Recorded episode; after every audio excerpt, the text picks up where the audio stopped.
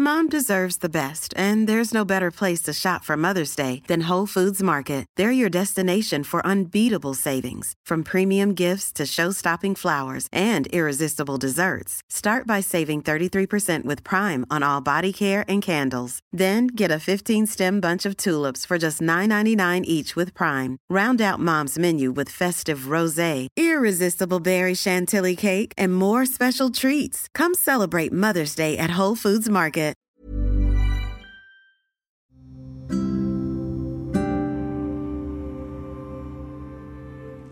Dahulu, di sebelah timur kota Baghdad, ada seorang lelaki tua yang bodoh.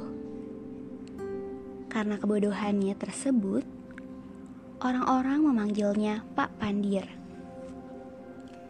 Begitu bodohnya ia, sehingga selalu percaya pada perkataan semua orang. Bahkan anak-anak kecil pun ia percayai omongannya. Hingga pada suatu hari, Pak Pandir berniat menjual kambingnya ke kota Baghdad. Pada masa itu, orang-orang yang miskin harus berjalan berhari-hari untuk mencapai kota Baghdad. Karena bodoh atau pandir, ia menjadi repot sekali jika hendak berpergian. Repot menyiapkan bekal perjalanan. Ia juga menghitung baju, makanan, dan minuman yang harus dibawa. Semua itu butuh waktu seminggu untuk menyiapkan bekalnya. Sesudah itu, pembekalan tersebut dimasukkannya ke dalam karung. Dan karung itu ia naikkan ke atas punggung keledai. Kambingnya yang ingin dijual diikatkan ke ekor keledai. Dan di leher si kambing digantungkan sebuah lonceng. Sambil berjalan, aku akan bisa mendengarkan bunyi lonceng itu. Pikir Pak Pandir. Jika lonceng masih tetap berbunyi, itu tandanya tak ada yang mencuri kambingku. Nah, bukankah akalku cukup cerdik? Hanya orang lain saja yang menganggapku bodoh. Pada waktu itu, penduduk negeri belum sebanyak sekarang. Daerah-daerah yang menghubungkan satu desa dengan yang lain masih sepi, liar, dan penuh bahaya. Pak Pandir pun berangkat. Di tempat yang sunyi, ada tiga orang perampok yang sudah menungguinya. Mereka menghadang Pak Pandir. Mereka sudah bersiap menunggu Pak Pandir lewat. Aku akan merampas kambingnya. Ucap perampok yang pertama. Kalau begitu, aku keledainya. Ucap perampok yang kedua. Perampok yang ketiga menungus kecewa. Halah, tinggal baju kumuhnya itu yang masih tersisa untukku supaya ku rampas. Ucap perampok yang ketiga. Perampok pertama menunggu hingga Pak Pandir mendaki lereng yang cukup curam. Kemudian dia mengendap-endap dari balik semak.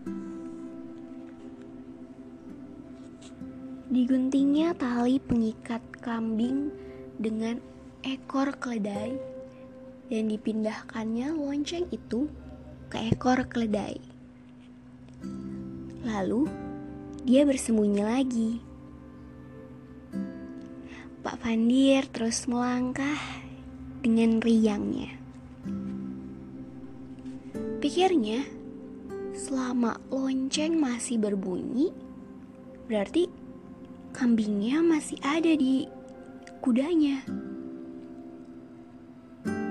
Beberapa saat kemudian, dia menoleh dan terkejut sekali waktu melihat kambingnya tidak ada di belakangnya.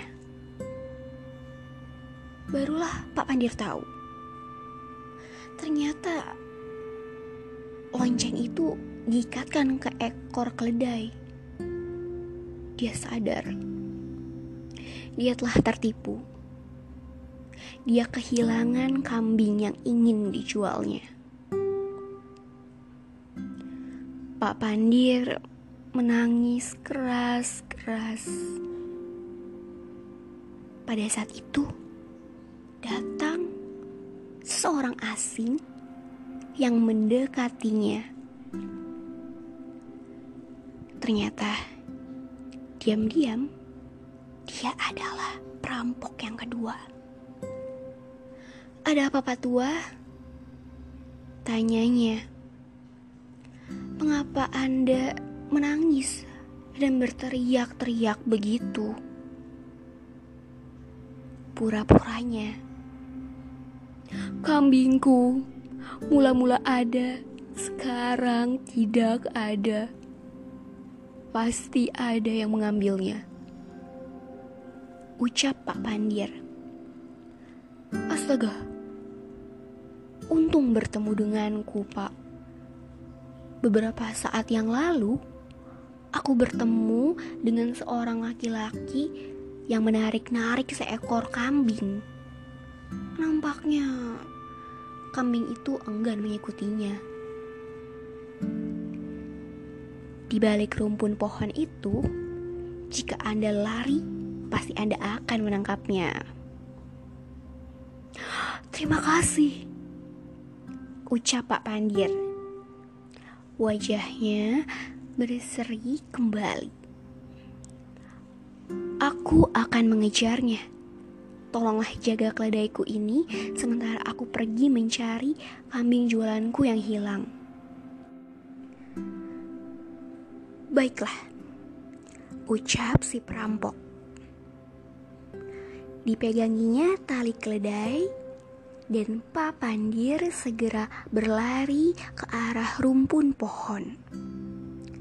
Eh, dia sadar sesuatu. Tidak ada siapa-siapa di sana.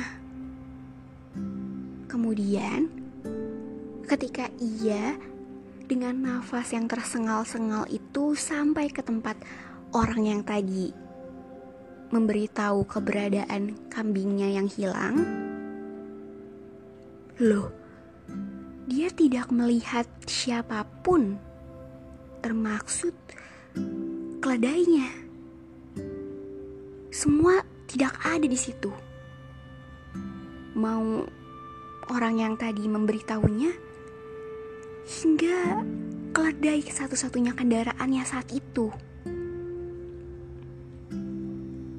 Pak Pandir menangis terjerit-jerit, menjambaki rambutnya.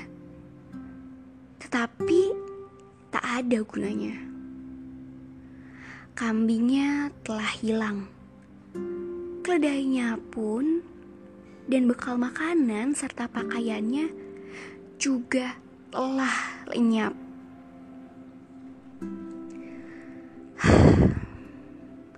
Tak ada yang dapat dikerjakannya selain akhirnya memutuskan harus kembali lagi ke desa. Akhirnya ia harus kembali menempuh jalan jelek yang berdebu itu. Matahari saat itu bersinar terik. Pak Pandir lega ketika sampai ke dekat sebuah perigi.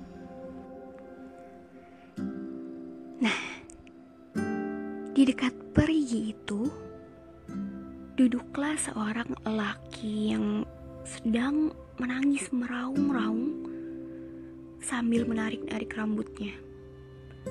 Persis seperti yang dilakukan Pak Pandir tadi. Celaka. Sial. Tangis orang asing itu. Pak Pandir pun datang dan mendekatinya. Ada apa, Nak? Aku terjerat kesulitan yang paling rumit di dunia. Kata orang yang ditanyai itu. Pak Pandir hampir-hampir tidak percaya pada pendengarannya. Dia tidak bisa membayangkan kalau masih ada yang lebih celaka lagi dibandingkan dirinya. Tapi ia memutuskan dengan sabar untuk mendengarkannya juga. Aku membungkuk ke dalam perigi. Maksudku mau mengambil air. Tahu-tahu kantung permata yang kubawa jatuh ke dalam perigi. Padahal permata-permata itu milik Khalifah. Jika aku pergi menghadap dan menceritakan yang sebenarnya, Khalifah tidak akan percaya dan akan memasukkan aku ke dalam penjara. Hmm, Pak Pandir mengangguk-angguk. Ya, memang rumit. Tidak kau ambil saja kantung itu? Kau pasti dengan mudah bisa menemukannya ucap Papandir. Oh, aku tidak bisa berenang. Aku takut tenggelam di dalam perigi. Kata orang yang sebenarnya adalah perampok yang ketiga.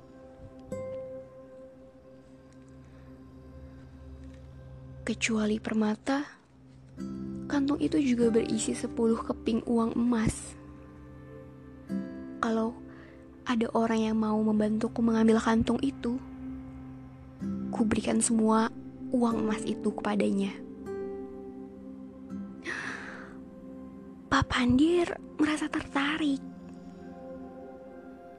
Sepuluh keping uang emas cukup untuk membeli seekor kambing seekor keledai, dan menggantikan pembekalan yang telah hilang itu, makanan, pakaian, dan masih bisa tersisa banyak. Nah, bagaimana kalau aku masuk ke dalam perigi dan mencari kantungnya? Ucap Papandir. Tapi aku tidak ingin bajuku basah. Maukah kau menjaga bajuku selagi aku masuk ke dalam perigi? Oh, tentu. Jawab si perampok yang ketiga. Pak Pandir pun masuk ke dalam perigi setelah menitipkan bajunya kepada orang asing tersebut. Air perigi itu sedingin es. Apalagi Pak Pandir yang baru saja berada di tempat yang panas? Tentu saja, bagaimanapun telitinya ia mengaduk-ngaduk lumpur di dalam perigi, kantung permata itu kok tidak ditemu-temukannya juga ya? Segeralah ia naik kembali karena ia tak ingin kawan barunya menunggu lama. Ya, akan bisa ditemukan. Karena sebenarnya memang tak ada kantung permata yang jatuh ke dalam sumur. Dan di atas pun sudah tidak ada siapa pun lagi yang menungguinya. Pakaiannya pakaiannya pun telah lenyap. Beberapa saat kemudian, barulah ia sadar bahwa ia telah tertipu. Dengan sangat dongkol, ia beralih pulang. Sepanjang jalan, dia berteriak-teriak menceritakan kisah malangnya kepada siapa pun yang mau mendengarnya. Hmm, para tetangga menganggap pengalaman Pak Pandiar itu lucu sekali. Sehingga setiap malam bergantian mereka mengundang Pak Pandir untuk makan malam sembari mendengarkan Pak Pandir menceritakan pengalamannya itu. Para tetangganya itu pun tertawa terpinggal-pinggal saat mendengar Pak Pandir bercerita. Untuk beberapa hari, Pak Pandir menjadi terkenal dan semakin terkenal dengan nama Pak Pandir.